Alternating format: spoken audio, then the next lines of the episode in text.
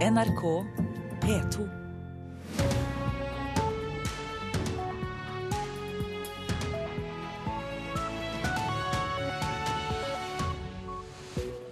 Her tar vi deg videre i nyhetsbildet i Nyhetsmorgen. I studio Øystein Heggen. Og vi har disse stikkordene for den neste halvtimen.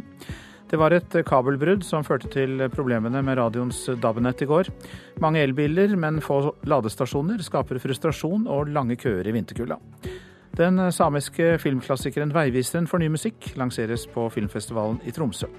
Og vi skal feire en hundreåring, nemlig Stortingets utvidede utenrikskomité. Det var altså brudd i en fiberkabel som førte til problemene med DAB-nett i store deler av landet i går kveld. Pressekontakt Ingrid Ditriksson i Nordkring opplyser at feilen er rettet, og at DAB-nettet er oppe igjen. Status nå er at alle stasjoner skal være oppe igjen, så nå er alt i orden igjen. For bare en snau uke siden ble FM-nettet slukket i Nordland. Og onsdag kveld kunne politiet i Salten melde på Twitter at Nordland heller ikke hadde noen DAB-dekning. Ifølge meldingen var årsaken et fiberbrudd i en kabel i Oppland. Senere på natten kom det også fram informasjon om et fiberbrudd i Oslo-området. Men ifølge Nordkring ble bare 5% av DAB-radioene i landet tause, sier Didriksson. Det var eh, brudd på en fiber som gjorde at satellittmatet DAB og satellittmatet FM ble berørt. Og dette gjelder, gjaldt da 5% altså DAB-stasjoner som berører 5% av befolkningen. De som har blitt berørt, er jo Det har vært spredt over hele landet, men med unntak av Oslo og Akershus. Og reporter her var Harald Berre. Flere elbiler og få ladestasjoner skaper lange køer og frustrasjon i vinterkulda. I Kongsvinger var ventetida på lading oppimot to timer forrige helg. Enkelte steder er det bare én hurtiglader og langt mellom ladestasjonene. Nå må yes. Helt skåletomt. Håvard Sivertsen kobler bilen sin til hurtigladestasjonen i Kongsvinger, og det var akkurat i tide. Han måtte ta noen forholdsregler for å spare strøm den siste biten. Ja, det ble litt under fartsgrensa, det ble det. Mye trylling. På reiseruta til Sivertsen mellom Gardermoen og Charlottenberg er Kongsvinger eneste mulige ladested på de rundt 120 km. I praksis er det bare én hurtiglader på stedet, og han har opplevd kø her flere ganger. Ja, det var kø her når jeg skulle til Skjoltenberg, og så har jeg stått i kø her før òg. Så det er jo bare den laderen her på Kongsvinger, da. Og så har du en på Charlottenberg, men den er ute av drift. Og i helga var køen lang i Kongsvinger. Oppimot sju biler sto i kø for å lade. NRK har vært i kontakt med folk som sto og venta i to timer før de fikk lada. Mange ble utålmodige og dro. Det er ikke bare bare å være elbilist, og spesielt ikke på vinteren. Vi har uh, hatt en voldsom økning i antall elbiler de siste åra. Men antall ladestasjoner de uh, har absolutt ikke kommet i samme tempo. Og det betyr at veldig ofte blir kø på hurtigladestasjonene rundt forbi. Kristina Bu er generalsekretær i Norsk Elbilforening. Norge passerte 100 000 elbiler i fjor, og hun mener at antall ladestasjoner ikke står i forhold til antall elbiler. Elbilistene har eh, fram til nå vært ganske tålmodige mennesker. Det krever eh, ekstra, litt ekstra å være elbilist, og spesielt, det, spesielt på vinteren. Eh, det krever at du planlegger eh, reisa di litt. Det er ikke så, sånn at alle er like tålmodige og har den muligheten der.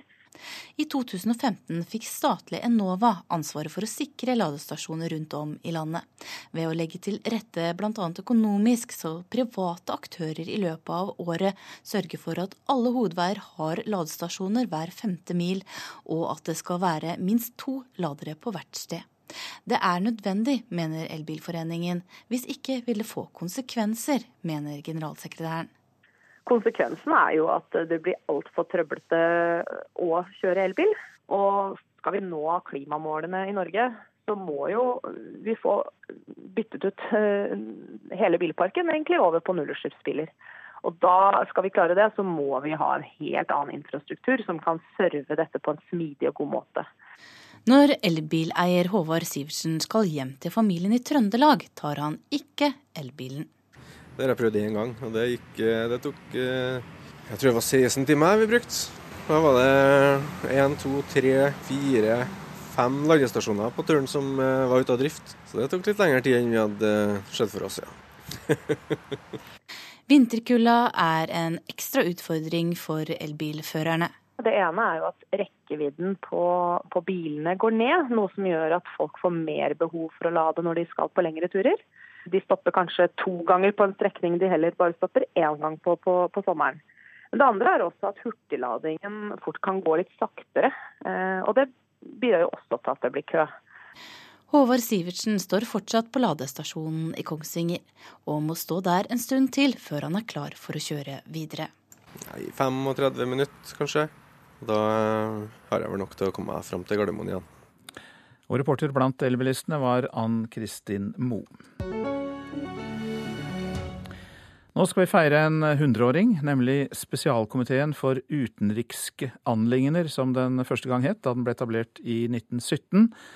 Det var forløperen til Stortingets utenriks- og forsvarskomité, som skal markeres med mottakelse og seminar i dag. Komiteens nåværende leder er i studio, Arbeiderpartiets Anniken Huitfeldt. Velkommen. Tusen takk. Våre lyttere vil kanskje stusse over at dere skal feire en stortingskomité?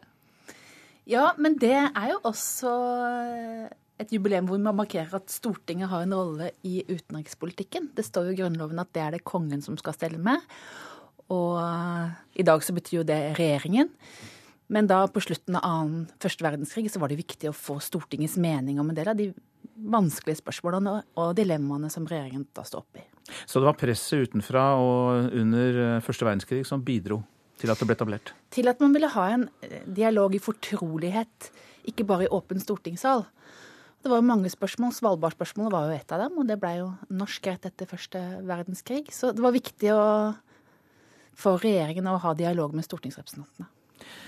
Du bruker begrepet fortrolighet, og det dukker ofte opp når man leser og snakker om den utvidede utenrikskomiteen, eller utvidede utenriks- og forsvarskomiteen, som det er korrekt i dag.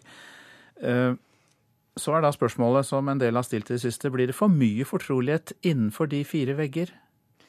Ja, De aller fleste diskusjoner på Stortinget om utenrikspolitikk foregår i plenum i åpen sal. Og du vet, du som har mange politikere i studio, vet at vi har en tendens til å overspille uenighet.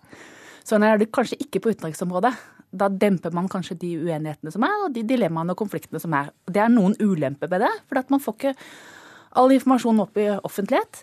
Men det er noen ting da, som eh, krever at eh, vi tar eh, diskusjoner blant bak lukkede dører. Det kan være etterretningsinformasjon, det kan være forholdet til fremmede makter, som gjør at her trenger vi en annen type diskusjon. Men uh, før så var det jo bare diskusjon i fortrolighet. Nå tar vi større delen, altså altså De aller fleste spørsmål av utenrikspolitisk karakter tas nå i åpen storting. Men likevel så er det jo da um, kommet uh, vurderinger bl.a. fra SVs komitémedlemmer, statsvitere, som ja, Andreas Løvold har jeg lest her, som mener at komiteen er moden for reformer. Altså at det må være mindre hemmelighold og mer åpenhet og enda flere debatter i plenum. Det er jeg enig i. Og når vi diskuterte Afghanistan, uh, så er det jo nettopp det som et stort utvalg som har sett på hvordan vi har håndtert norske styrkebidrag i Afghanistan gjennom mange år, at flere av diskusjonene burde vært tatt i plenum. Men det som er viktig med etterretningsinformasjon og informasjon av fortrolig karakter, er at hvis du ikke har utenrikskomiteen, som er et veldig formelt organ hvor det føres referat, og hvor de kan se som 30 år hva vi egentlig har sagt, det er kanskje at det blir diskusjoner i enda mer hemmelig rom. Slik at noe diskusjoner om forholdet til fremmede makter, det må foregå bak lukkede dører. Men jeg er helt enig i at dilemmaene rundt å sende norske soldater til Irak eksempel, eller til Afghanistan, det bør mer fram i offentligheten. Og den utfordringen må vi ta. Ja. Og så er det mange som eh, trekker opp bombetoktene mot Libya i 2011, da et vedtak kom etter rask SMS-kommunikasjon mellom regjeringen og opposisjonen, altså i den utvidede komiteen. Ja, det er jo en eh, beslutning som har vært kritisert. Ja. Både fordi at den fikk de konsekvensene den fikk. altså Situasjonen i Libya eh, ble veldig vanskelig. Men også fordi at det ikke var et formelt møte i komiteen. Men må huske på det at det var tverrpolitisk enighet om denne aksjonen. Så da godtok stortingsrepresentanten at beslutningen ble tatt på den måten. Og det var jo ikke noe formelt eh, som starta med det norske bidraget, før det hadde vært diskusjon i den utvidede utenrikskomiteen. Dette blir altså debatt om, og du sier deg enig med dem som sier at her må mer skje i åpenhet. Men dere skal jo da feires i dag. Hvordan skal man feire en stortingskomité? Ja, Da er det seminar med historikere. Det er det ene. Eh, det andre er jo at tidligere leder av komiteen blir invitert og skal delta i panel. Kåre Willoch er jo en av de som skal delta. Bjørn Tore Godal skal delta. Einar Stensen. Så kommer også tidligere utenriksministre som eh, Kjell Magne Bondevik, Thorvald Stoltenberg. Så da får vi diskutert altså forholdet mellom Stortinget og regjering i utenrikspolitikken. Og samtidig så frier vi da diskusjonene som var fra 1976 til 1985. Da er det mange vanskelige saker som ble diskutert. Atomvåpen er en av dem, som har skapt nye diskusjon. Også Treholdssaken og hvordan den ble behandla i utenrikskomiteen, eh, vil folk få tilgang til fra i dag. Var det slik at uh, stortingskomiteen uh, visste mye mer enn uh, offentligheten ellers om nettopp Treholdssaken, f.eks.? Nei, ikke om Treholdssaken, men det som var et interessant referat som jeg fant, det var jo at det var en spionsak noen år tidligere om en spion som het Galtung Håvik, som jobbet i Utenriksdepartementet. Og det jeg så fra disse referatene når disse ble frigitt, var jo at Arne Treholt var til stede på det møtet eh, noen år før han sjøl ble arrestert som spion. Eh, så det var en veldig vanskelig situasjon, forholdet til Russland. Eh, men det er mange ting i disse arkivene som kanskje kan belyse at diskusjonene er mer åpne. Det er mer diskusjon om dilemmaer. Det vi kanskje får inntrykk av i offentligheten, hvor ja, for på det utenrikspolitiske området så har man kanskje en tendens til å underspille der det er konflikter. Og noen av de tidligere dilemmaene blir altså tilgjengelig i dag, sier du, som eh, dokumenter som frigis? Ja. Takk skal du ha. Komiteens nåværende leder, Arbeiderpartiets Anniken Huitfeldt. Så har vi ikke glemt avisene i dag heller. Bruker minnet om profeten Mohammeds barnebarn for å få flere muslimer til å gi blod, skriver Vårt Land. Lege Ali Risvi og sju andre sjiamuslimer er gått sammen for å motivere trosfrender til å gjøre en god gjerning og bli blodgivere. Og det skjer til minne om martyrdøden til Iman Hussein, som døde i slaget på Kerbla-sletta i Irak i år 680. IS har gitt opp Øst-Mosul, og de irakiske soldatene jubler seier, skriver Aftenposten, som også har truffet det fem år gamle Nora.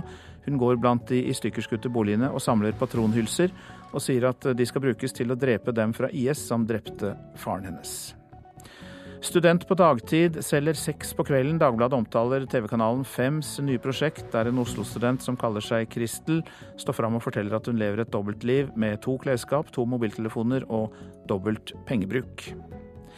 Fremskrittspartiet gjør opprør i ulvesaken, er oppslaget i Klassekampen. De vil pålegge miljøvernministeren å innføre lisensjakt, og dermed kan regjeringspartiet Frp bidra til at regjeringen får stortingsflertallet mot seg. To kunstige øyer ved Sandviken i Bergen kan bli anlagt for å bygge 450 boliger, får vi vite i Bergens Tidende. Der kan det komme blokker som vil få badestrand som nærmeste nabo. Men andre naboer reagerer på omfanget av forslaget og frykter trafikkaos. Tre av fire elever i sjuende trinn på skolen bruker knapt dataverktøy, får vi vite i Dagsavisen, som gjengir en undersøkelse utført av Senter for IKT i utdanningen. Det er en kilde til økt klasseskille, sier skolebyrådet i Oslo, Tone Tellevik Dahl, som mener regjeringen må øke den digitale kompetansen blant lærerne.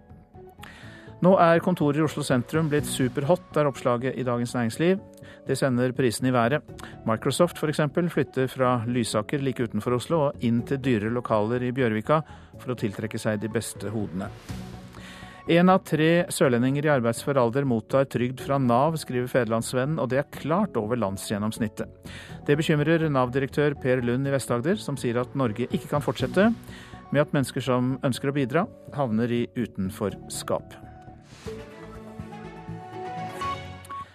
Flere av de norske håndballspillerne er usikre på hva som venter dem når de møter Japan i den siste gruppespillkampen i VM i kveld. Norge har jo allerede sikret seg avansement til sluttspillet, og kan tillate seg å bruke kveldens kamp som en gjennomkjøring før åttendedelsfinalen.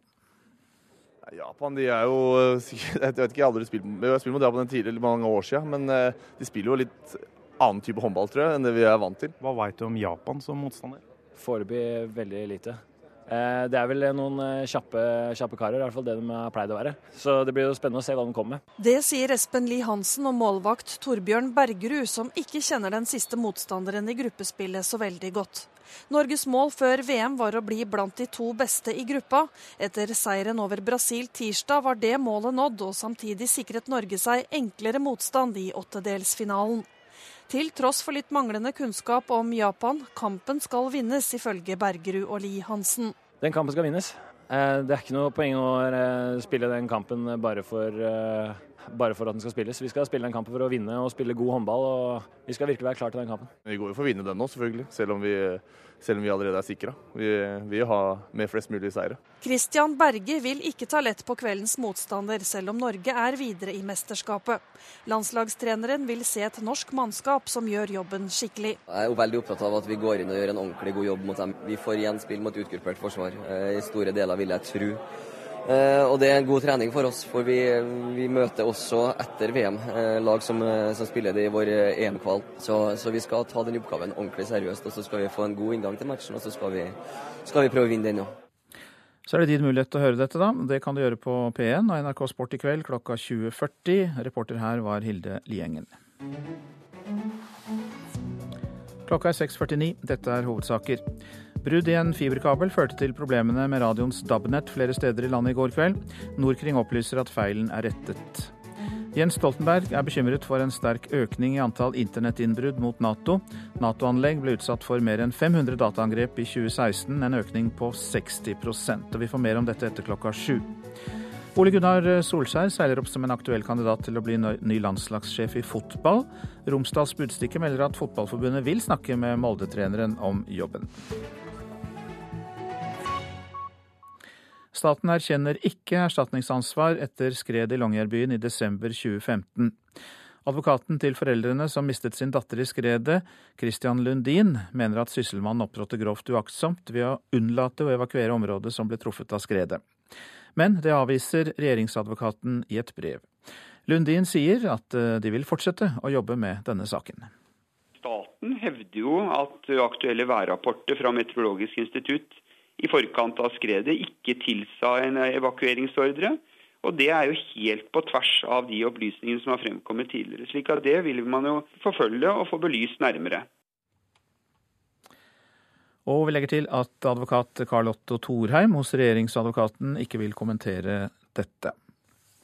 Tidlig og tett eh, oppfølging av både offer og gjerningsperson i partnervoldssaker kan bidra til å redde liv. Det er eh, erfaringen fra Sør-Vest politidistrikt etter drøye to år med det såkalte SARA-prosjektet. I fjor fikk eh, partnere i drøye 200 alvorlige partnervoldssaker i distriktet tilbud om samtaler og tett oppfølging. Vi vet av erfaring at voldshjulet går rundt.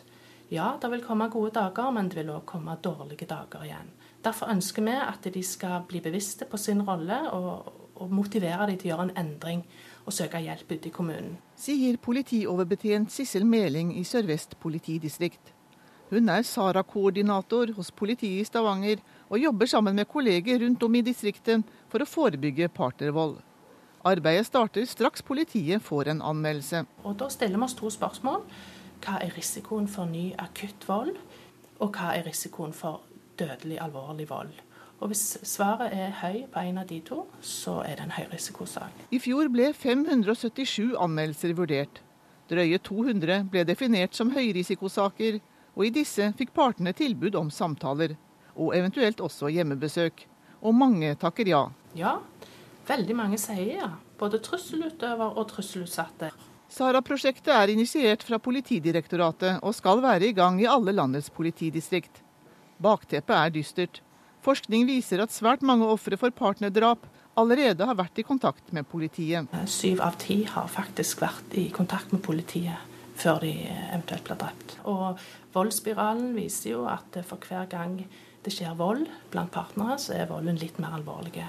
Arbeidet foregår i nært samarbeid med en rekke etater og aktører blant dem krisesenteret i Stavanger. Vi ser jo at politiet med Sara har fått et helt annet fokus, som er veldig nyttig for de som er, opplever vold i nære relasjoner. Sier lederen der, Monica Welde Viste.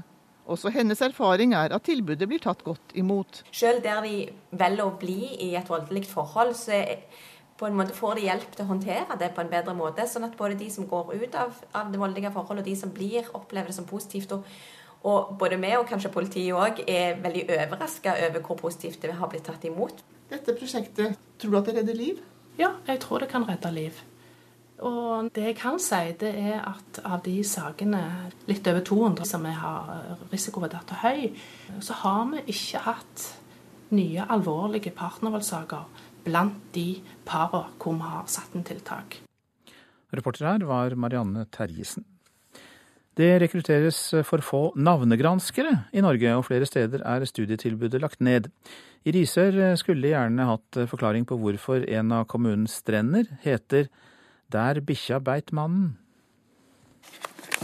Her har vi noe som heter en mappe som heter Veinavnkomiteen i Risør på jakt etter svar. Det som vi må tenke på, er det at dette aktuelle navnet der stranda der bikkja beit mannen, det jo noen, går jo ikke noen vei dit. Snorre Øverbø leder arkivavdelingen i fylkesarkivet på Kubun i Arendal, og er en av flere som lurer på hvordan stranda innerst i Sørfjorden i Risør fikk navnet der bikkja beit mannen. Så jeg er jo litt usikkert om veinavnkomiteen for Risør befatta seg med den type stedsnavn. Det må vi da se på. Stranda har hatt det uvanlige navnet i mange tiår. Men verken det lokale historielaget, Statens kartverk, NRK-programmene Språkteigen og Nomino eller lokalavisa Aust-Agder Blad har klart å finne ut hvorfor. Øverbø er ikke sikker på om han finner svaret i Risøys gamle kommunearkiv heller. Nei, jeg tror ikke vi jeg, skal, en finne noe, skal en finne noe her, så må en rett og slett uh, ta seg tid og bla gjennom dette. her. I framtida kan det bli enda vanskeligere å finne svar og forklaringer på stedsnavn. Mange av de norske stedsnavnforskerne har gått av eller er i ferd med å gå av med pensjon, sier professor i nordisk Johan Myking.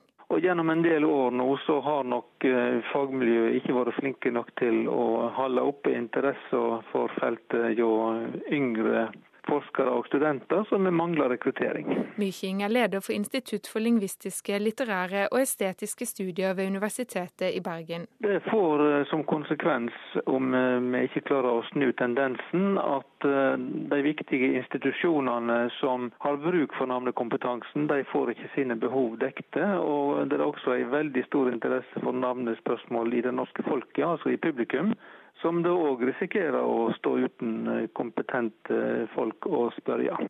Språkrådet har ansvaret for statens navnekonsulenttjeneste, som leverer faglige anbefalinger om skrivemåten av stedsnavn. Dette er en tjeneste som er avhengig av at det er gode, kvalifiserte fagfolk som betjener Eh, stillingene og bekler vervene som konsulenter. Sier direktør Åse Vetås i Språkrådet. Ja, min vurdering er faktisk at uh, vi har ikke så veldig mange år på oss uh, på å få snu tendensen. Sier Johan Myking i Bergen. Jeg tror nok det er på tide at det norske fagmiljøet at de tar dette problemet på alvor og setter seg ned og diskuterer om en kan få i gang en, en satsing.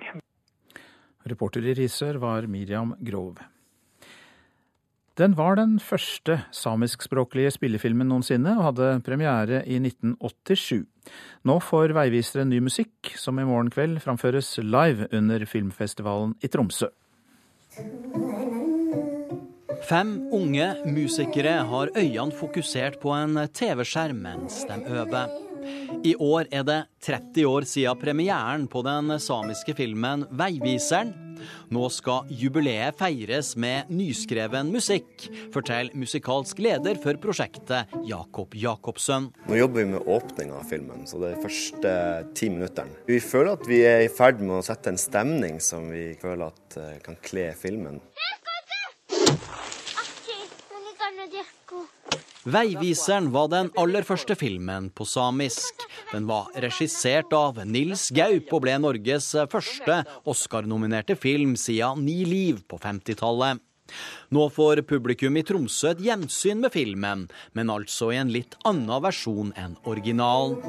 Både talen og den opprinnelige musikken er erstatta av nykomponert musikk, samt sørsamisk joik framført av Marja Mortensson. Jeg syns det er ganske herlig at man får lov til å ha litt frie tøyler og lov til å utfolde seg. Eh, det er jo eh, en film som alle har eh, et forhold til. Jeg tenker det er kanskje litt herlig og litt sunt å få, få litt nye vinklinger og litt ny musikk på det. Men her har dere altså tatt bort originalmusikken, og dere har også tatt bort eh, dialogen. Ja.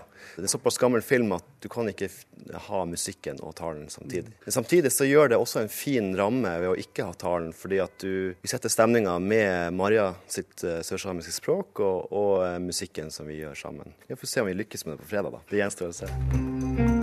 Spesialvisninga av Veiviseren inngår i en større kontekst. I år er det nemlig 100 år siden det første samiske landsmøtet, som senere danna grunnlag for samenes nasjonaldag.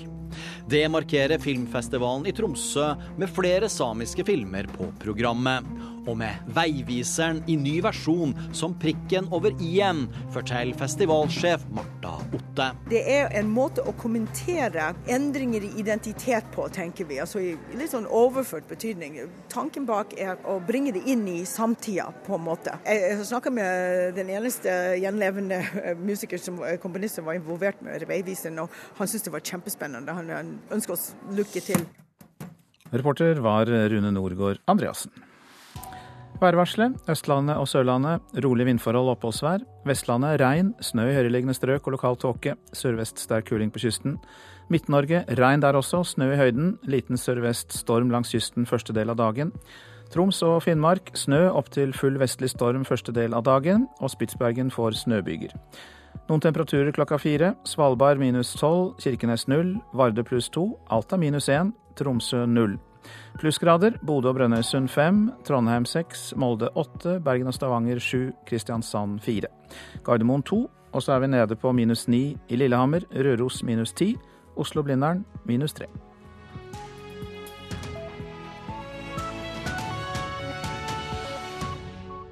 NRK P2. Det er blitt flere ukvalifiserte lærere i grunnskolen de siste åra. Og framande stater støtter de mange dataangrepene mot Nato, det sier Jens Stoltenberg. Her er NRK Dagsnytt klokka sju.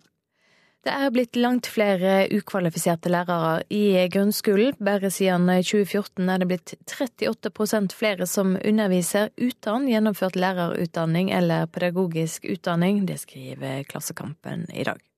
En lovendring i 2014 sørget for at lærere uten formell pedagogisk kompetanse ikke lenger kan få fast jobb i skolen. Likevel er det altså flere ukvalifiserte lærere enn før. Nye tall fra grunnskolens informasjonssystem viser at lærere uten utdanning står for 4,4% av undervisningen i grunnskolen, og har økt etter at den blå regjeringen overtok. Leder i Utdanningsforbundet, Steffen Handal, mener regjeringen ikke har gjort nok for å stanse bruken av ukvalifisert arbeidskraft i skolen. De krever lovpålagt krav om kvalifiserte lærere. Kunnskapsminister Torbjørn Røe Isaksen er heller ikke fornøyd med utviklingen, men viser samtidig til at regjeringen har flerdoblet satsingen på videreutdanning av lærere. Reporter Katrin Hellesnes.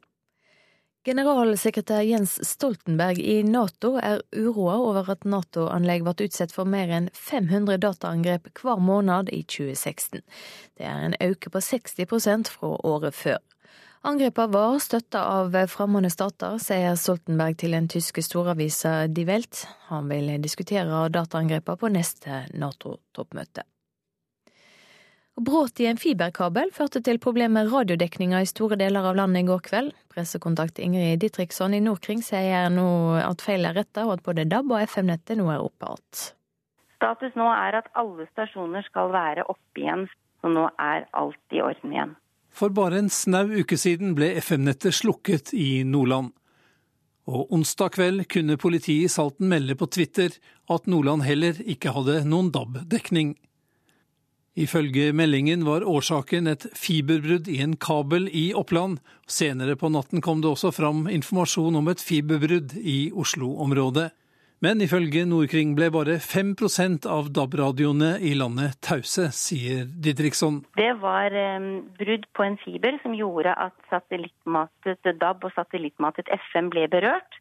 Og dette gjelder, gjaldt da 5 altså DAB-stasjoner som berører 5% av befolkningen. Reporter Harald Berre, NRK Dagsnytt, Silje Sande. Nyhetsmorgen fortsetter med disse sakene. Saken mot Eirik Jensen og Gjermund Cappelen har kostet politiet i Asker og Bærum minst 1,8 millioner kroner. En av de dyreste sakene politikammeret har hatt. Beslaget av narkotika øker, men vi drikker mindre alkohol enn tidligere, viser en helt fersk rapport. Her får du også høre mer om bekymringen fra Jens Stoltenberg for økningen i internettinnbrudd hos eh, Nato.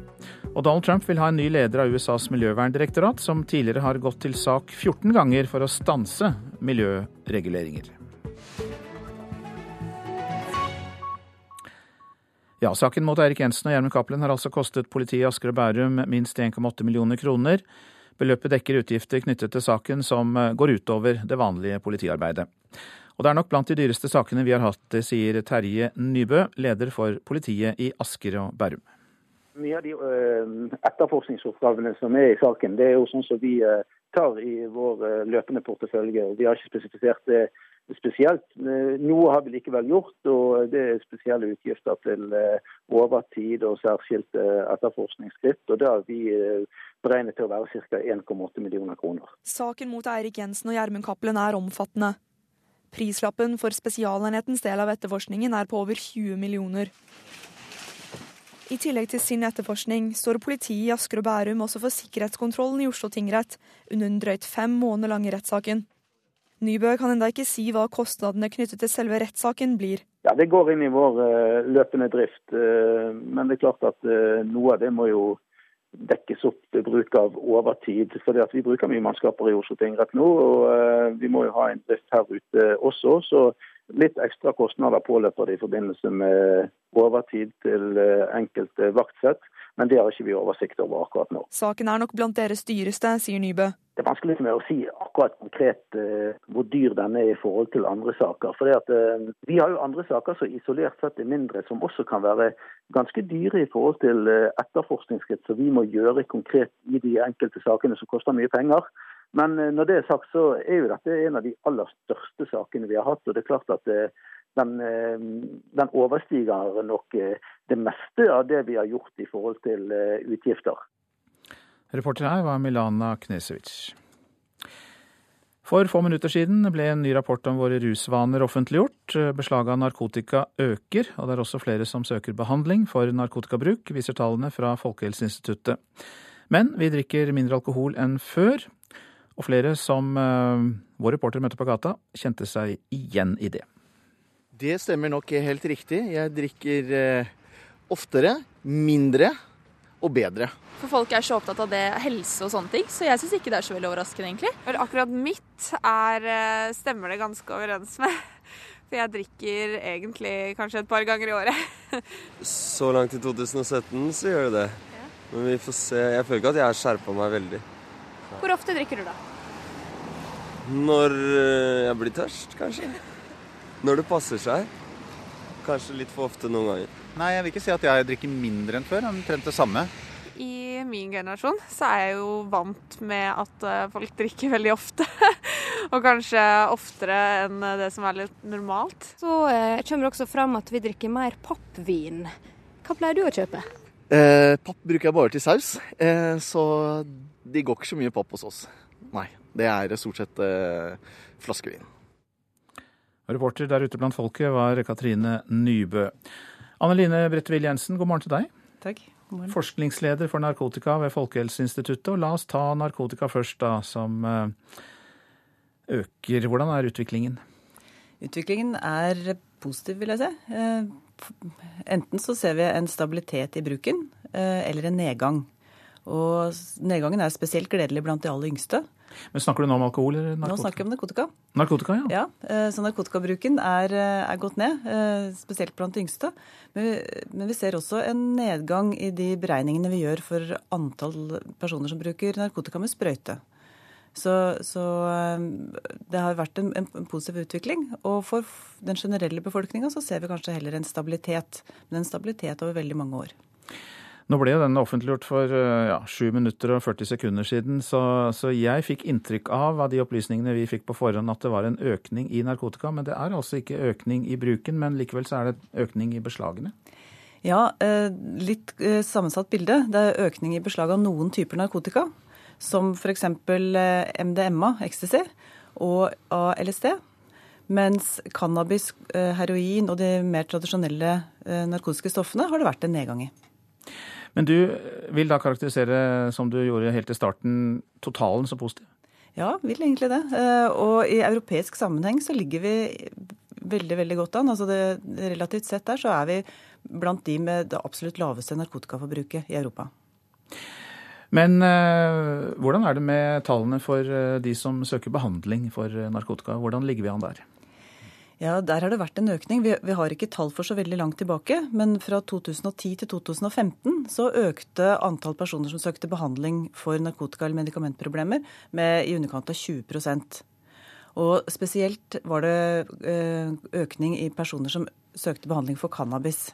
Så der var det en økning på ja, underkant av 40 så, så litt vanskelig eh, å, å, tolke bildet ved at man eh, Men det ser ut til kanskje kan være en polarisering. Altså folk flest bruker mindre, mens de som bruker, bruker kanskje mer med, og, og, får problemer med det. Det som også har skjedd med cannabis i senere årene, er at eh, cannabis er blitt sterkere. Eh, det rusgivende stoffet eh, er nå mer fremtredende i, i, stoffet, så det kan ha også sånne forklaringer. Det der gir oss jo en bro til å gå over til alkohol, for der er det vel samme tendens kanskje? At det store flertall drikker mindre, men så er det noen få som drikker mer? Ja, eh, vi har ikke helt gode tall for, for, alt der, men vi ser at eh, det er eh, totalt sett i befolkninga så drikker man færre. Hvis man deler alt vi drikker og omregner det til antall liter ren alkohol, per person over 15 år, så har eh, alkoholforbruket gått ned fra 6,8 liter per person i, eh, 2008 til, til 6,0 liter eh, nå i fjor. Men eh, har du da regnet med alt i hop? Altså både det som blir kjøpt på polet og det vi tar inn sjøl? Nei, Dette jeg omtalte nå, er såkalt det registrerte alkoholforbruket. I tillegg så er det noe uregistrert som kommer eh, via taxfree-ordning, via smugling, grensehandel osv. Men vi har òg gjort beregninger for det, eh, og vi ser ikke eh, heller der at det har vært noen økning. Og når vi spør folk eh, hva, de, eh, hva, de, gjør, eh, hvor mye de drikker og hvor ofte de drikker, så ser vi ingen store endringer. Og i den grad vi ser noen endring, så ja, det varierer litt i, i ulike aldersgrupper. Men tendensen er at det i hvert fall ikke går opp, og heller går ned i noen grupper av befolkningen. Så vi kan konkludere med at totalen er ned både på narkotikabruk og alkohol? Ja, det er en positiv utvikling. Takk skal du ha, Anne Line Bredtvill Jensen, som altså er forskningsleder for narkotika ved Folkehelseinstituttet.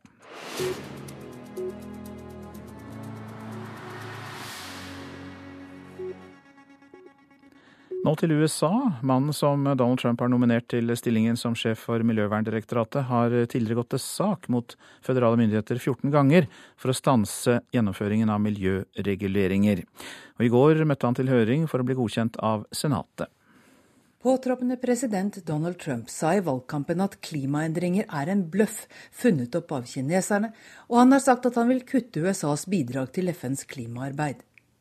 Miljøverndirektoratet, EPA, har vært det viktigste instrumentet i Obamas klimapolitikk, men nå får det ny leder. Under høringen i går innrømmet Scott Pruitt at menneskelig aktivitet til en viss grad påvirker klimaendringer. Men senator Bernie Sanders var ikke tilfreds med det svaret. Hvorfor endres klimaet, spurte Sanders. Senator, in response to the CO2 issue, Uh, the EPA administrator is constrained by statutes. I'm, not, I'm asking you a personal opinion. My, my personal opinion is, is immaterial. To, oh, really? To, to, the job of to the job of you are going to be the head of the agency to protect the environment, and your personal feelings about whether climate change is caused by human activity and carbon emissions is immaterial. Pruitt mener altså at hans syn på hvorfor klimaet endres er uvesentlig for jobben som sjef for Miljøverndirektoratet. Som statsadvokat i delstaten Oklahoma har han ifølge The New York Times hele 14 ganger anlagt sak mot bl.a. det samme direktoratet for å stanse føderale miljøreguleringer. Ved ett av tilfellene gikk 29 delstater sammen for å hindre iverksettingen av Obama-administrasjonens kutt i karbonutslipp fra kullfyrte kraftverk.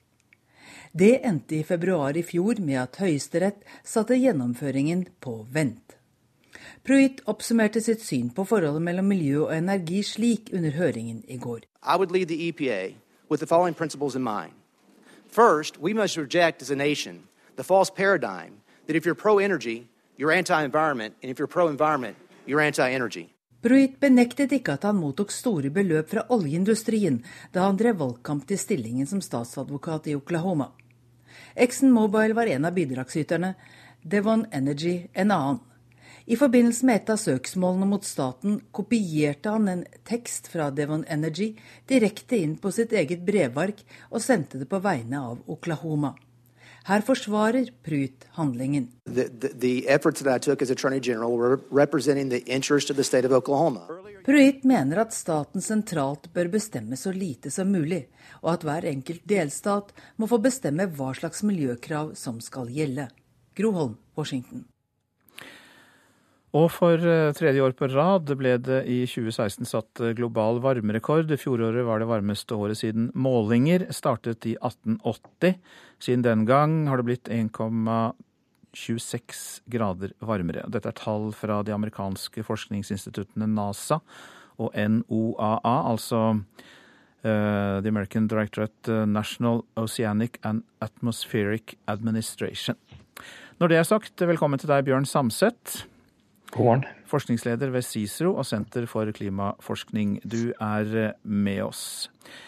1,26 eh, grader siden 1880 høres ikke så mye ut. Er det likevel alvorlig? Det er absolutt alvorlig. Det, man innser at det høres ikke så mye ut. Men det vi må vite er at forskjellen på temperaturen vi har i dag og temperaturen vi hadde under forrige istid, bare er fire grader omtrent. Så dette er en kvart istid allerede. Og nå har vi altså sett at det blir jevnt over varmere og varmere fra år til år. Og nå har vi altså hatt tre rekordår etter hverandre. Selv om det er litt naturlig variasjon inni det, siden Stillehavet har vært eh, veldig varmt også, så er det en stigende trend. Og det blir varmere, og det blir varmere veldig raskt. Hvilke andre faktorer da enn klimagasser, som vi snakker mye om nå, kan ha påvirket temperaturøkningen? Som jeg sa, så Stillehavet der, det har en naturlig svingning. Noen år er veldig kalde, noen år er veldig varme. og Det vet vi at det påvirker hele jordas temperatur. Men de svingningene de er på sånn 0,2-3 grader på det aller meste. Um, så hoveddelen, altså mer enn én grad av den oppvarmingen vi har sett nå de siste 100 årene, den vet vi er pga. en sterkere drivhuseffekt. Og den er igjen fordi vi har sluppet ut veldig mye CO2 og metan og andre drivhusgasser. Ja, hvor sikre er vi på det at uh, hoveddelen av denne oppvarmingen skyldes uh, menneskelig aktivitet? Altså, det har vært spørsmålet til, som klimaforskere har uh, brukt tiden sin på nå de siste 30 årene, egentlig. Og si, Det er ikke bare en hypotese man, man slenger ut. fordi klimaendringer vel, det er global, Vi kaller det gjerne global oppvarming. Det blir varmere i havene, det blir varmere oppover i atmosfæren, isen smelter osv. Alt det krever energi. Du må få energien fra et eller annet sted. og Da er det greit, da kan vi begynne å lete. Kan sola ha bidratt med så mye energi? Nei, den kan ikke egentlig det. Kan vulkaner ha utgjort noe? Nei, det kan det ikke når du setter, setter tall på det, osv. Du sitter igjen til slutt bare med denne forsterkede drivhuseffekten. og Den kan vi spore tilbake igjen til menneskelig aktivitet. Veldig enkelt ved å se på uh, fingeravtrykket av uh, i, uh, radioaktive isotoper i atmosfæren og alt sånt. Så man har mange analysemetoder som lar oss spore det rett tilbake igjen. Vi er så sikre som det går an å, å, å få Oppvarmingen er pga. oss. Hvordan ser man da endringene som følge av et varmere klima rundt i verden? Gi meg eksempler. Vel, det man først og fremst merker, er jo en, en, økt risiko for mer ekstremt vær. Altså vær som er utenfor det vi er vant til. Selv som du sier, én grad høres ikke så mye ut. Men det vi merker, det er når ting går utenfor det man har blitt vant til. I Midtøsten f.eks. i år så har de jo målt uh, temperaturer uh, over uh, helt opp i 54 grader i noen av byene. Kombinerer du det med, med luftfuktighet og sånn, så blir det temperaturer som er nesten uholdbare. Det er de høyeste temperaturene noensinne målt i, i det området. Du har varmerekorder på tvers av alle kontinenter. I Sør-Afrika så er det flere år, eller Søndre Afrika er det flere år nå med veldig veldig lite regn. Kan du si, nå er det ikke Afrika noe fremmed for å for å ha lite regn eh, og dårlige vekstforhold, dessverre. Men når verden jevnt over blir varmere, så blir det enda mindre regn der nede. I Arktis så er, eh, der går oppvarmingen raskere enn verden som helhet. Så Der er det faktisk hele tre grader varmere nå enn det var i, i førindustriell tid. Det ser vi jo på at eh, isen der oppe smelter bl.a. Den laveste gjennomsnittsmengden med is på, på Nordpolen. Det påvirker igjen hele, hele, havsirkulasjonen. Vi ser det i ekstremregn rundt omkring i hele verden. Si, litt varmere mange steder så kan det hjelpe, og, litt mer CO2 kan faktisk hjelpe planteveksten rundt omkring.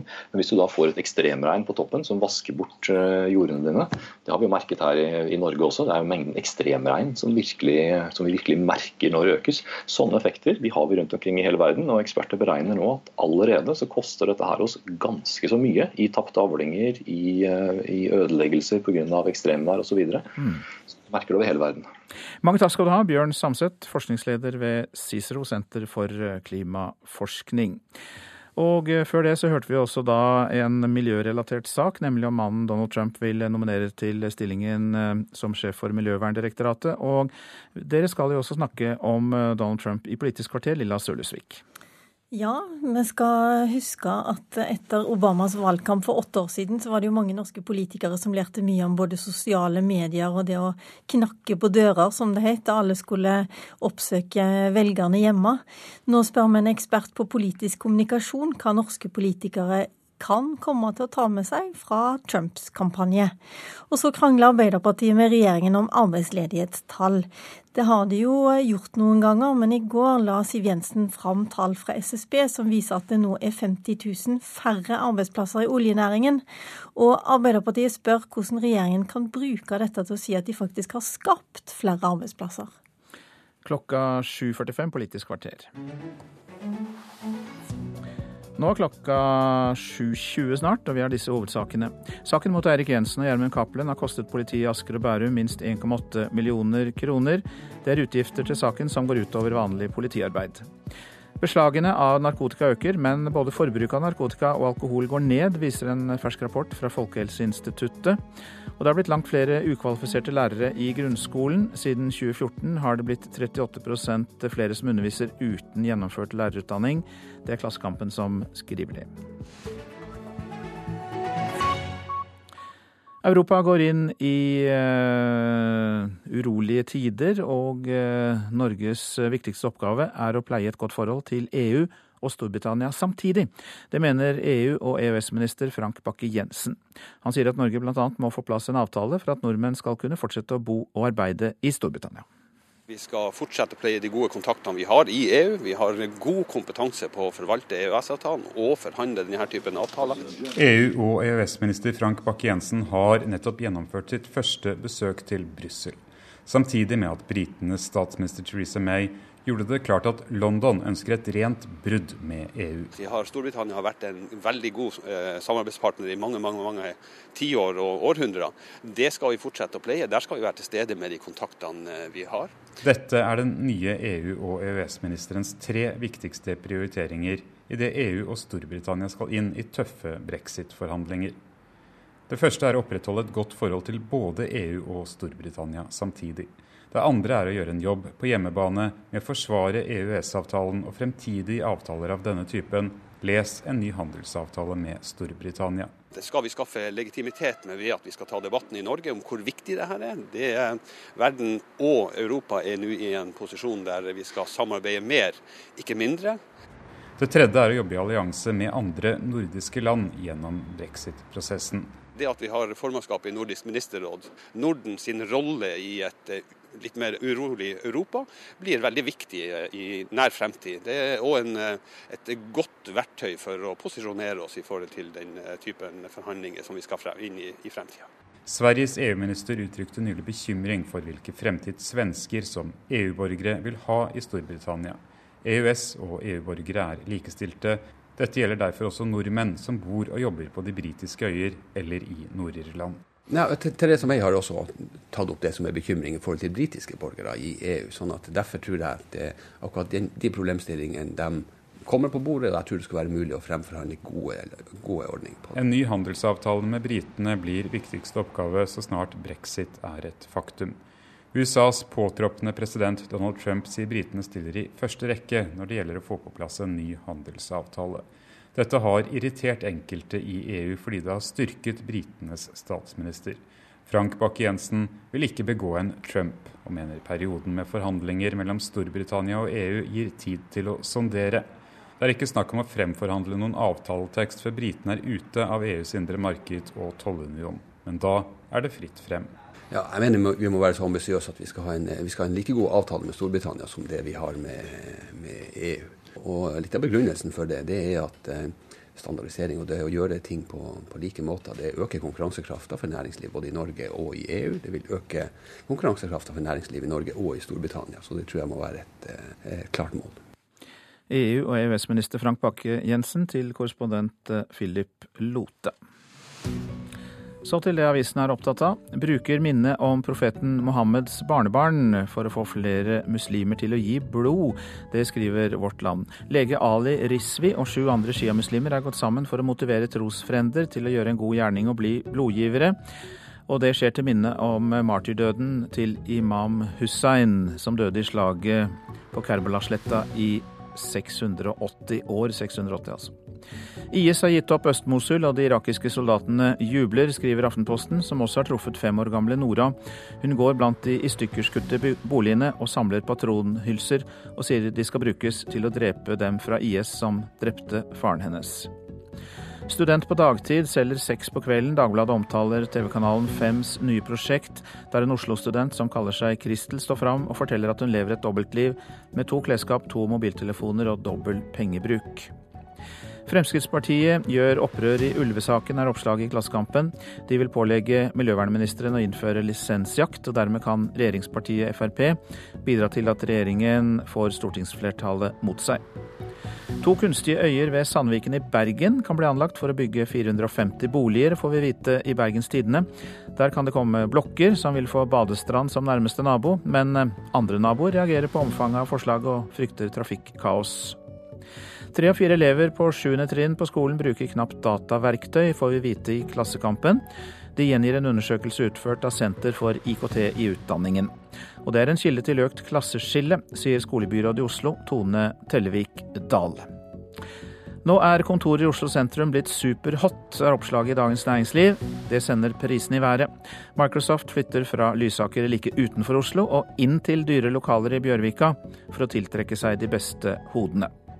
Og én av tre sørlendinger i arbeidsfør alder mottar trygd fra Nav, skriver Federlandsvennen. Det er klart over gjennomsnittet. Det bekymrer Nav-direktør Per Lund i Vest-Agder. Ni norske oljeingeniører har omskolert seg til bilbransjen. Maskiningeniør eh, Johannes Drivdal er en av dem. Han mistet jobben sin i Stavanger, men nå er han i svensk bilbransje. Og nå frir svenskene til flere omstillingsvillige nordmenn.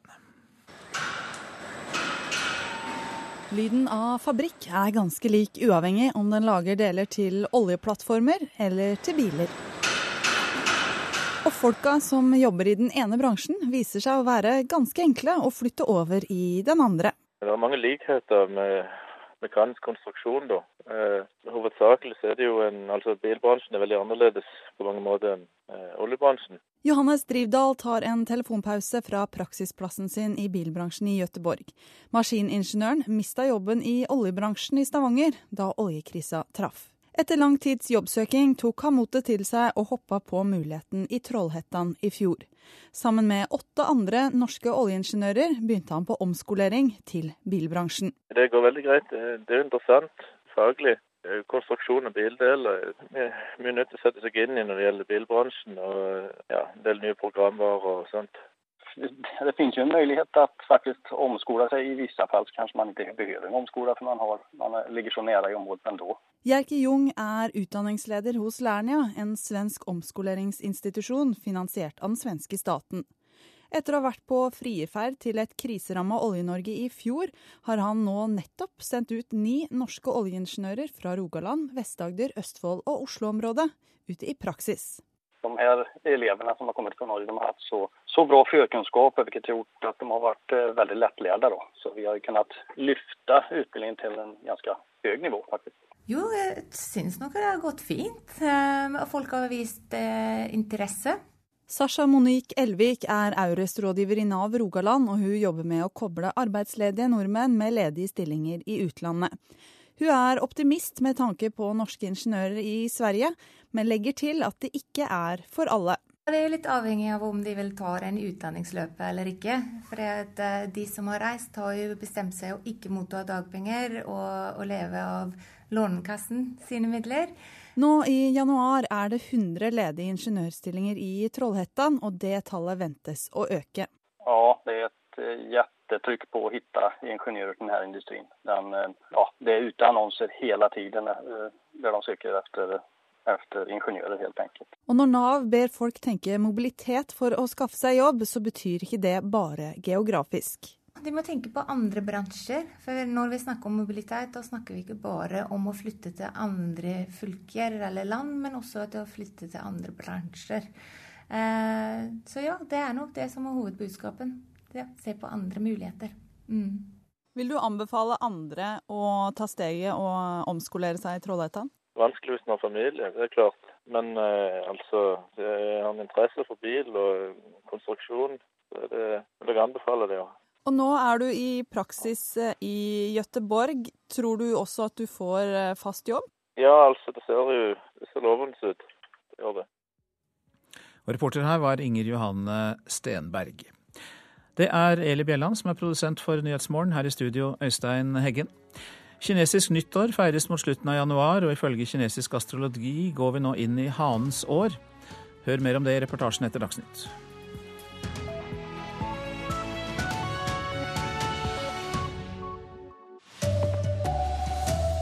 Vi drikker mindre alkohol enn før, ifølge Folkehelsa.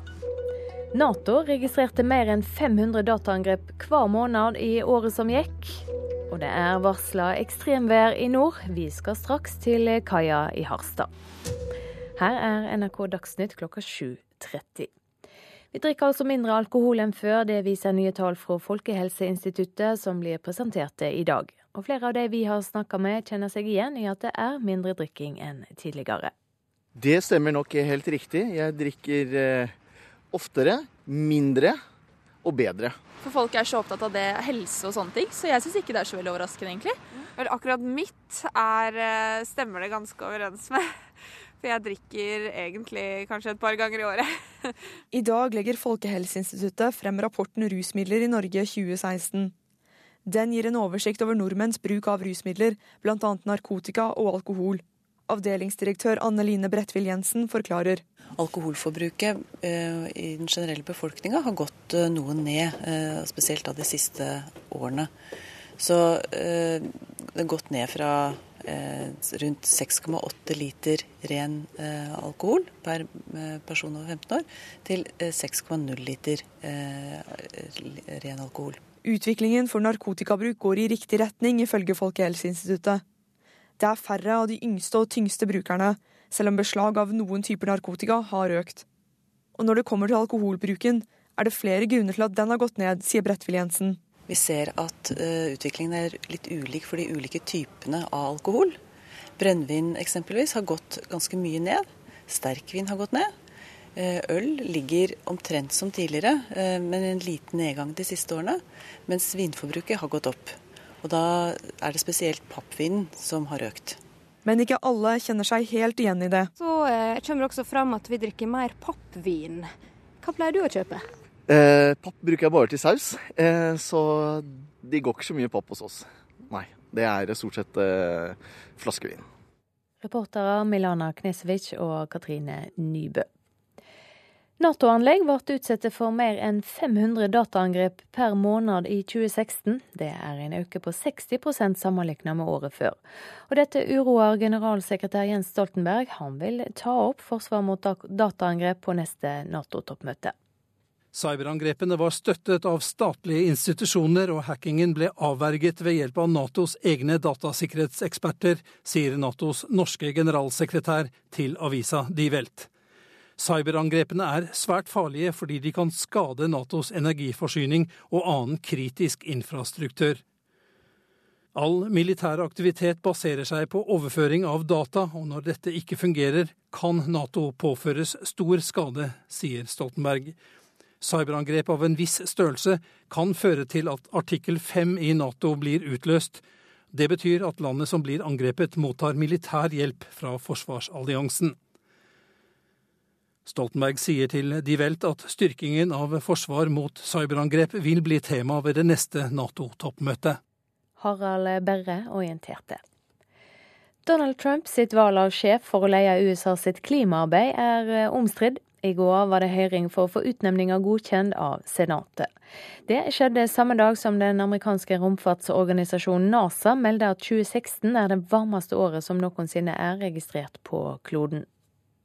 Påtroppende president Donald Trump sa i valgkampen at klimaendringer er en bløff funnet opp av kineserne, og han har sagt at han vil kutte USAs bidrag til FNs klimaarbeid. Miljøverndirektoratet, EPA, har vært det viktigste instrumentet i Obamas klimapolitikk, men nå får det ny leder. Under høringen i går innrømmet Scott Pruitt at menneskelig aktivitet til en viss grad påvirker klimaendringer. Men senator Bernie Sanders var ikke tilfreds med det svaret. Hvorfor endres klimaet, spurte Sanders. My, my personal opinion is, is immaterial.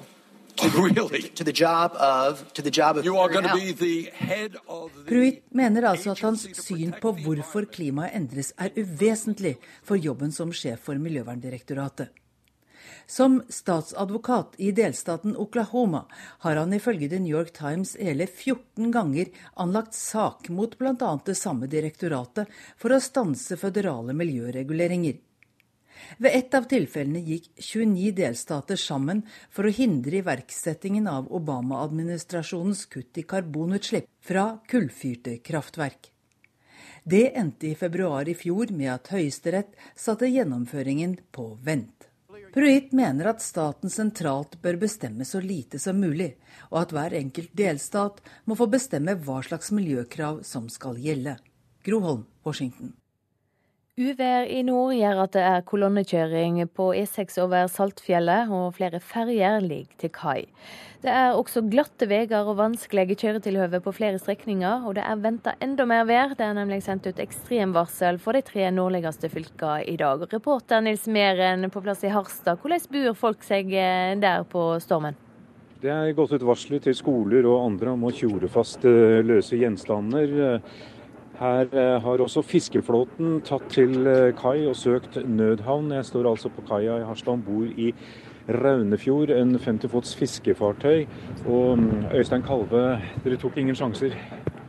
Nei, det varsler dårlig vær, så da velger vi å legge oss til havn. Og jeg har funnet en god havn her i Harstad. Og ja, har valgt å legge oss til kai her og fortelle oss godt for været. Du har hatt kontakt med fartøyer ute på feltet nå. Hva, hva sier de? Nei, det er meldt om de er mellom 18 meter høye bølger, så vi har absolutt ingenting på havet å gjøre. Nei, det har begynt å blåse opp her i Harstad også. Det er eh, sludd og snøbyger om hverandre. Det gjør det vanskelig å kjøre på veiene innimellom når det ikke er eh, brøyta til enhver tid. Men det gjøres en iherdig innsats for å holde veiene åpne. Det er ehm, Ja, stormen har ikke kommet hit ennå, da, men du kjenner at det blåser opp. Og flaggene som uh, vaier her borte, sånne reklameflagg, de, de, står ganske godt ut. Slik at uh, vi har noe i vente, vil jeg tro. Men uh, det har vært varsla storm, og så ble det avlyst den verste, og så er det på'n igjen. Er det litt sånn ulv-ulv?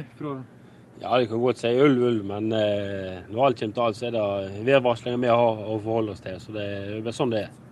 Så dere tar ingen sjanser? Nei, absolutt ikke. Vi tar ingen sjanser. og Vi ligger her til vi får beskjed om at eh, værvarslingen er såpass bra at vi kan gå hjem igjen til Sotra. Ja, og Det er altså meldt eh, ekstremvarsel, sånn at det er bare å, å følge med på det og ta forholdsreglene deretter. Takk skal du ha, reporter Nils Meren i Harstad. Vi skal høre at saka mot Eirik Jensen og Gjermund Cappelen har kosta politiet i Asker og Bærum minst 1,8 millioner kroner i ekstra utgifter. Saka er nok mellom de dyreste vi har hatt, sier leder for politiet i Asker og Bærum, Terje Nybø. Mye av de etterforskningsoppgavene som er i saken, det er jo sånn som vi tar i vår løpende portefølje. Vi har ikke spesifisert det spesielt. Eh, noe har vi likevel gjort, og det er spesielle utgifter til eh, overtid og særskilte etterforskningsskritt. og Det har vi eh, beregnet til å være ca. 1,8 millioner kroner. Saken mot Eirik Jensen og Gjermund Cappelen er omfattende. Prislappen for Spesialenhetens del av etterforskningen er på over 20 millioner.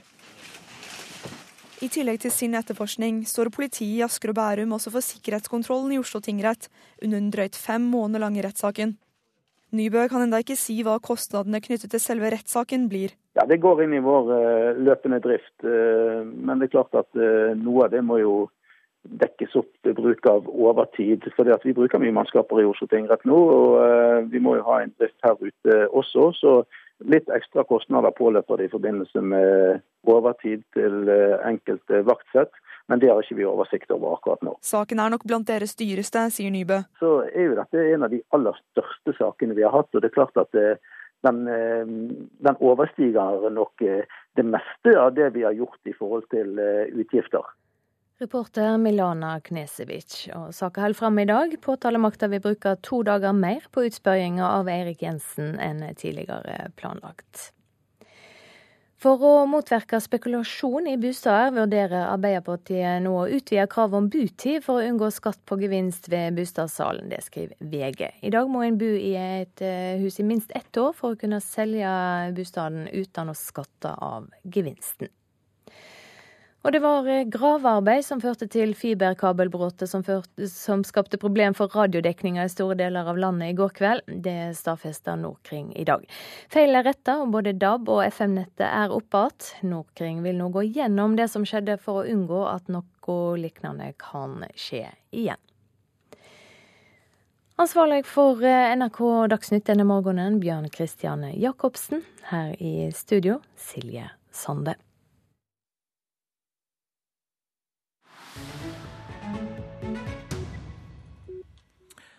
Og du lytter til eh, Nyhetsmorgen. Kinesisk eh, nyttår feires mot slutten av januar, og ifølge kinesisk eh, astrologi går vi nå inn i hanens år. I Kina produseres det nå haner over en lav sko, men noen av dem er spesielt etterspurt, til og med internasjonalt. Grunnen er at hanene tilfeldigvis ligner svært mye på en politiker som for tiden er veldig sentral.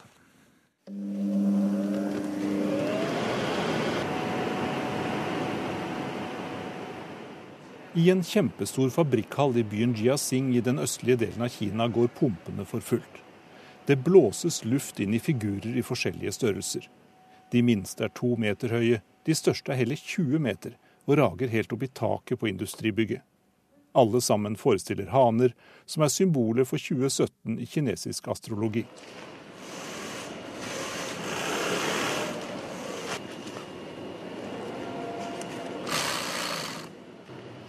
Symaskinene går for fullt i denne fabrikken.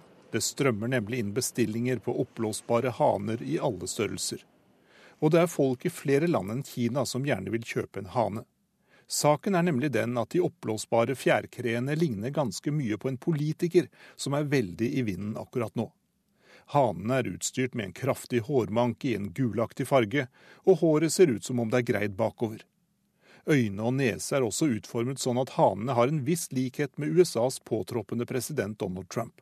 Den kinesiske fabrikksjefen sier at likheten er helt tilfeldig.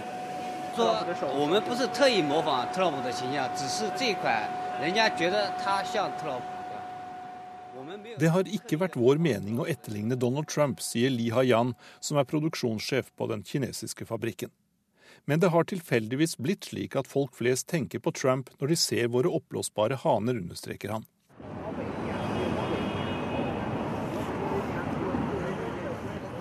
Fabrikksjefen vil ikke si hvor figurenes design kommer fra. Men ifølge kinesiske medier ligner de svært på en sju meter høy statue av en hane som står utenfor et shoppingsenter i Shanxi-provinsen i den nordlige delen av Kina. Denne saken har fått stor oppmerksomhet blant kineserne. 主要是今年是鸡年，二零一七年，从中国的鸡年，哦，再加上这个表情，川普的表情，美国美国。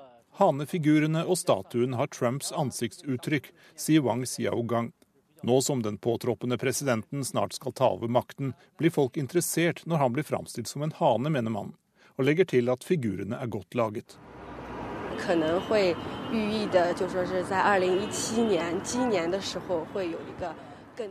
Kanskje meningen med denne statuen er å vise at det i hanens år vil bli et diplomatisk gjennombrudd i forholdet mellom USA og Kina, sier Wang Hainan. Hun håper også at forholdene i hjemlandet vil bli bedre i det nye året. Det er en amerikaner som har designet statuen utenfor det kinesiske shoppingsenteret. Dermed er han trolig også indirekte opphavsmannen til de oppblåsbare hanene. Han er fornøyd med alt styret som har blitt rundt arbeidet hans. I can definitely say that. Uh, Mr. Trump has a lot of similarities in that uh, he likes to tweet. Det er helt klart at Donald Trump har mange likhetspunkter med hanene, sier den grafiske kunstneren Casey Latiolas i Seattle. Trump liker å kvitre eller sende ut meldinger på Twitter, og meldingene kommer gjerne rundt soloppgang. Dessuten er jo haner ganske høyrøstede og selvopptatte, mener designeren. I den amerikanske valgkampen var Trump temmelig krass overfor kinesiske myndigheter. Han sa bl.a. at Kina har skylda for at USA har mistet mange arbeidsplasser, og at kursen på den kinesiske valutaen holdes kunstig lavt. Trump har også truet med å legge en kraftig toll på varer produsert i Kina. Det kan komme til å ramme de oppblåsbare hanene, som for øyeblikket koster vel 3000 kroner for den minste utgaven. Sa reporter Jan Espen Kruse. Dette er hovedsaker i eh, nyhetene. Nato registrerte mer enn 500 dataangrep hver måned i året som gikk. Generalsekretær Jens Stoltenberg vil ta dataangrepene opp på neste Nato-toppmøte. Vi drikker mindre alkohol enn før. Det viser nye tall offentliggjort i dag fra Folkehelseinstituttet. Det er varslet ekstremvær i de tre nordligste fylkene i dag. Det er kolonnekjøring på E6 over Saltfjellet, og flere ferger ligger til kai. Og brudd i en fiberkabel pga. graving førte til problemene med radioens DAB-nett flere steder i landet i går kveld. Nordkring opplyser nå at feilen er rettet. Så venter vi noen få sekunder på Politisk kvarter. Det er i dag ved Lilla Sølvesvik.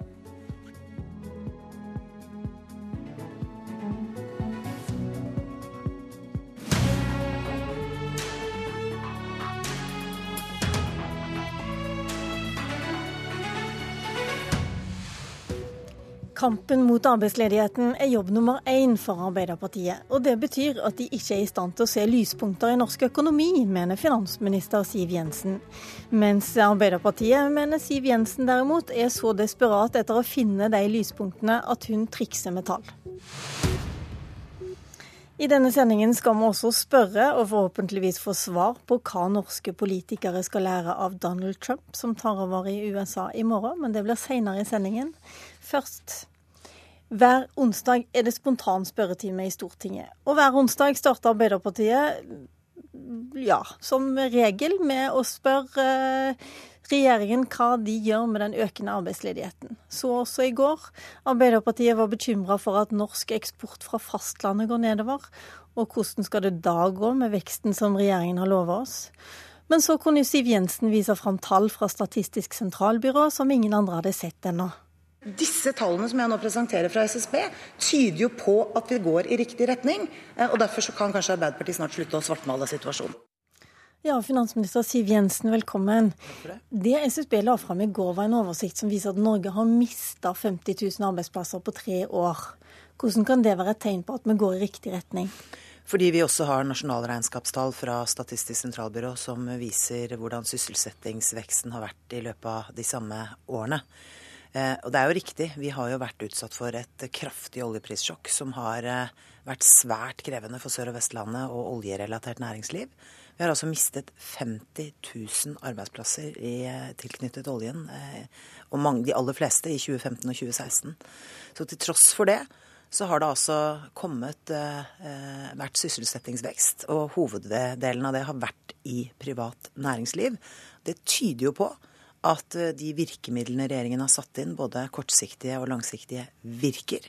Eh, fordi det skapes faktisk jobber eh, i det private. Og Arbeiderpartiet har jo hele tiden sagt at det skapes ingen jobber, og at i den grad det skapes jobber, så skjer det bare i offentlig sektor. Jeg er glad for at næringslivet tar ansvar i en krevende tid. Men vi er jo på ingen måte over. Altså, jeg har jo ikke avblåst faren. Men altså, når du sier at det, det, er skapt nye jobber, så er vel det sånn at de jobbene, de flesteparten av de jobbene de kom i starten av perioden deres, fra 2013 til 2014. Og så er det sånn at det, av de tallene du sjøl legger fram, som man kan lese på Finansdepartementets side, så er det 6000 færre arbeidsplasser det siste året, fra 2015 til 2016. Da er det vel litt sånn at Ja, tidligere så skapte dere jobber, mens nå er det færre jobber? Nei, det jeg forsøkte å illustrere i går, var at til tross for at det største eh, bortfallet av arbeidsplasser i oljerelatert næringsliv kom i 2015 og 2016, så har eh, sysselsettingen faktisk holdt seg oppe takket være andre deler av fastlandsnæringen. Og da er det sånn at du regner at siden de 50 000 jobbene som er forsvunnet fra oljerelatert sektor, siden de ikke viser igjen i statistikken på arbeidsledige, så betyr det at dere har skapt det? Altså, vi må huske på hva det er vi har stått overfor. Det er altså det største oljeprissjokket på 30 år. Eh, oljeprisen mer enn halverte seg. Eh, oljeselskapene måtte kutte kostnader, og mange har mistet jobben. Dette er jobber som ikke kommer tilbake. Eh, vi skal altså eh, ha færre ansatte i oljerelatert næringsliv. Og da må det skapes flere arbeidsplasser andre steder. Det kommer det må... ikke av seg selv. Det kommer basert på konkurransedyktige rammebetingelser, på at vi har gjort noe med skattesystemet, på at vi har satset på forskning, at vi har lagt til rette for uh, utdanning, og at vi har gjort regelverket mer fleksibelt. Marianne Martinsen, finanspolitisk talskvinne i Arbeiderpartiet. Det er helt åpenbart at dere kjører veldig hardt på arbeidsledigheten fram mot valgkampen. Er dette blitt så viktig for valgkampen at dere ikke klarer å se noen lyspunkter i norsk økonomi? Vi har rekordmange ledige, eh, og vår bekymring for det er genuin. Det er jo ingenting som ville glede oss mer enn om det faktisk var sant at det nå foregikk en formidabel jobbskaping i privat sektor, som finansministeren hevder. Men det er jo ikke det vi ser skjer. Og jeg ville vært forsiktig med å bruke tall på den måten som Siv Jensen valgte å gjøre i spørretimen i går. Det ene er at hun legger sammen anslaget på hvor mange jobber som har forsvunnet i olja med statistikk for sysselsettingsvekst, eh, og kommer til et tall som SSB ikke kan eh, bekrefte på, på jobbvekst de siste åra. Men det viktige handler jo om hvor mange flere eller færre jobber det blir. Eh, og hvis vi skal se på den perioden som Siv Jensen da snakker om, fra 2013 til 2016, så ble det 30 000 flere arbeidsplasser i Norge. Det er ikke nok til å holde sysselsettingsandelen oppe. Ledigheten stiger med et sånt tall. Men det som virkelig er alvorlig, mener jeg, det er når vi ser på når i den perioden jobbveksten faktisk har skjedd. Fra 2013 til 2014 så hadde vi jobbvekst på over 30 000. Og det betyr jo at de siste åra har vi hatt en faktisk nedgang. Og du programleder refererte jo til det selv. Det Finansdepartementet skriver på egne nettsider. De siste eh, tallene vi har, altså utviklingen fra første til tredje kvartal 2016, viser en nedgang på 6000 arbeidsplasser.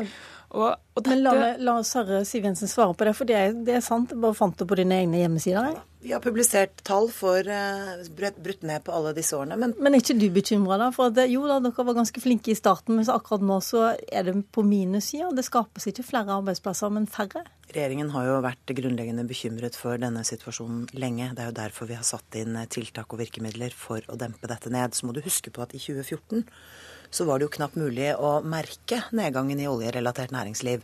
Den store smellen kom altså i 2015 og 2016, og likevel så er det altså skapt mange nye, altså tusenvis av nye arbeidsplasser, og de aller fleste av dem er kommet i privat sektor. Men Marianne Martinsen advarer jo meg og sier at jeg må være forsiktig med tall. Men de har altså selv eh, ikke gjort annet enn å skape et skremmebilde av at våre tiltak ikke virker, og at vi kun skal, legger til rette for å skape vekst i, i offentlig sektor. Det er feil. Men altså, eh, hva betyr det skremmebildet egentlig, Siv Jensen? Så sier, et øyeblikk, så sier hun også at uh, dette er tall SSB ikke kan bekrefte. Alle disse tallene er altså hentet rett ut fra SSB. Men kanskje du bare svarer med, Hva betyr det om hun driver med skremmebilde? Det betyr, altså eh, Velgerne nå lurer på om de skal tro på deg eller om de tror på henne. Men har det noe å bety for sysselsettingsveksten? Har det noe å bety for investeringer? Signalet som gis? Ja, Det som i hvert fall betyr noe, er jo alle de positive signalene som nå kommer fra ulike deler av norsk næringsliv. Det er altså en skjør oppgang vi ser, men det kommer positive signaler fra det regionale nettverket Norges Bank analyserer. Det kommer positive signaler ut fra NHOs eget eh, næringslivsbarometer. Forbrukerne melder om økt optimisme.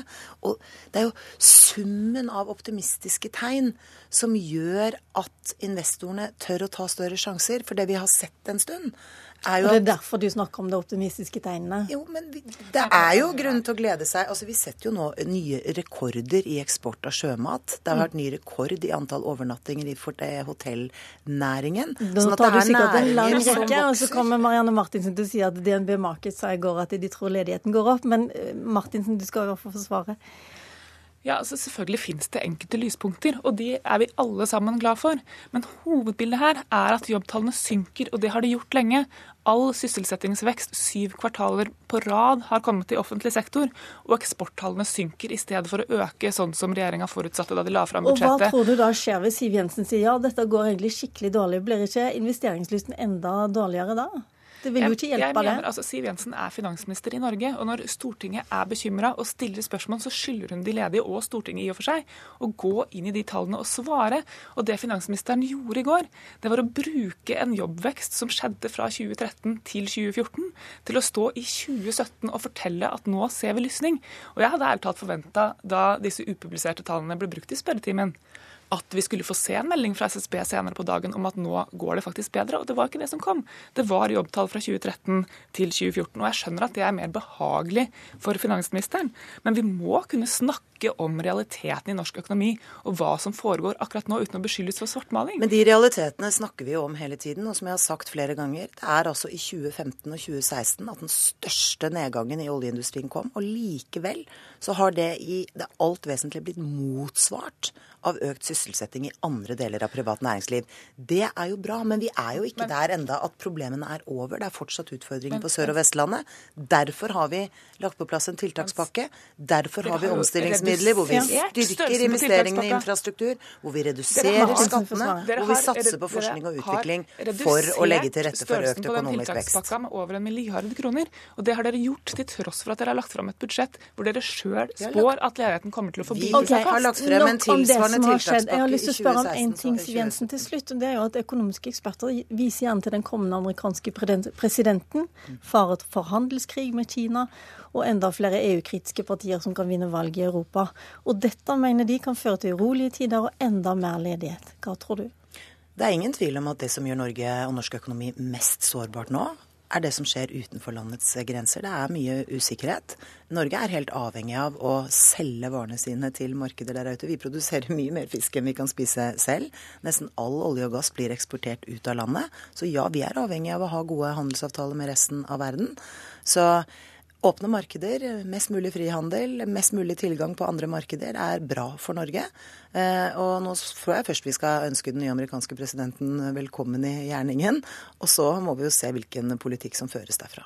Hjertelig takk, Siv Jensen, og takk også til deg, Marianne Martinsen.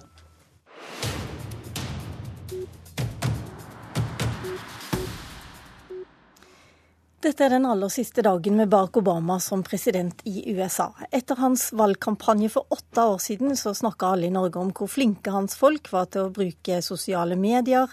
Og så begynte alle å snakke om hvordan de skulle knock on doors, og det betyr altså å oppsøke velgerne hjemme. Og Bente Karlsnes, du er førsteamanuensis ved Høgskolen i Oslo og Akershus. Du har nylig levert en doktoravhandling om politisk bruk av sosiale medier.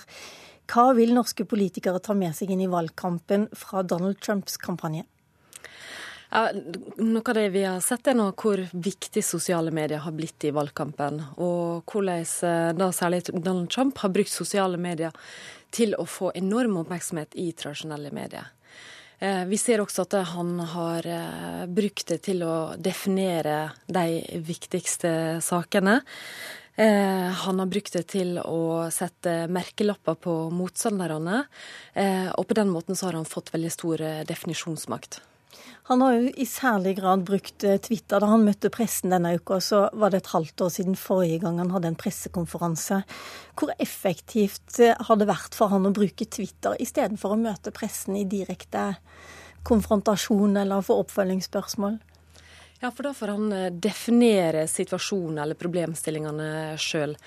Eh, ved å gjøre seg da eh, utilgjengelig for pressa på andre vis, så må de da referere til det han skriver på Twitter. Og det har ført til at han har fått eh, eh veldig masse oppmerksomhet på den måten. Samtidig som at eh, veldig mange har fulgt han på Twitter, og veldig mange har redistribuert det han har sagt. Så for han har dette fungert som en veldig effektivt megafon til å få ut budskapet har han også revitalisert Twitter. Det, vi vet jo at en del av våre lyttere og seere er på Twitter, men det sies jo at i Norge så er det mye eliten som er der. Eh, og man trodde også at Twitter var på vei ut. Ja, eh, han, eh, han, har brukt det veldig effektivt, samtidig som han også har brukt andre plattformer, sånn som Facebook, til å filme fra folkemøtet som han har hatt. Eh, men det er klart at det, det er særlig den eh, korte forma som han er mest kjent for, og som, eh, som han eh, har reindyrka. Og vi ser nå at han fremdeles bruker det til å lage overskrifter. Altså, Senest har vi sett at han har drevet og, og skrevet om fake news, og hvem han definerer agerer som eh, utøvere av fake news. Så, så, jeg tror nok at vi kommer til å se at han utøver en del makt via, via Twitter nå når han begynner som president. Fake news, eller falske nyheter, er jo noe som har kommet i forbindelse med Donald Trump. Altså, han ble jo sjøl beskyldt for å bruke det først, eh, da han sa dette her med Da han stilte spørsmål om Obamas fødselsattest. Og siden så har han tendert å definere alle nyheter han ikke liker, som fake news. Er det et politisk virkemiddel du tror vi kommer til å se mer av? Ja, um, Hvis en forstår fake news som um, noe som ser ut som en nyhet, men som er basert på uh, fullstendig Altså uh, basert på løgn, helt eller delvis, uh, så er ikke Donald Trump den første som har gjort det. Men han har vært med på å både skape det og dele det. Eh, så det å kunne bruke det som et eh, politisk eh, grep, det, det gjør at en får en mer sånn forvirrende informasjonssituasjon. Hva er, hva er verst, syns du? At det skapes, eller at det kommer ut falske nyheter, eller det faktum at folk slutter å tro på nyheter og tenker at det er nok falskt? Eh, nei, altså det, det, det, at en får en eh, offentlighet som består av eh, veldig mange rykter, konspirasjonsteorier og usikkerhet om hva som er sannhet, er veldig problematisk og veldig uh, ska, skadelig, særlig i en valgsituasjon. For det, er da en avhengig av at borgerne skal ta gode valg basert på riktig informasjon. Helt kort til slutt, er det Facebook eller Twitter eh, norske politikere kommer til å bruke mest av, eller er det Instagram eller Snapchat? Ja, jeg tror nok det blir Facebook, ja. Facebook, mm. ja. Vi får se. Det er lenge igjen til den norske valgkampinnspurten i hvert fall, mens eh, Obama bare har én dag igjen. I studio, Lilla Sølhusvik. Hør flere podkaster på nrk.no podkast.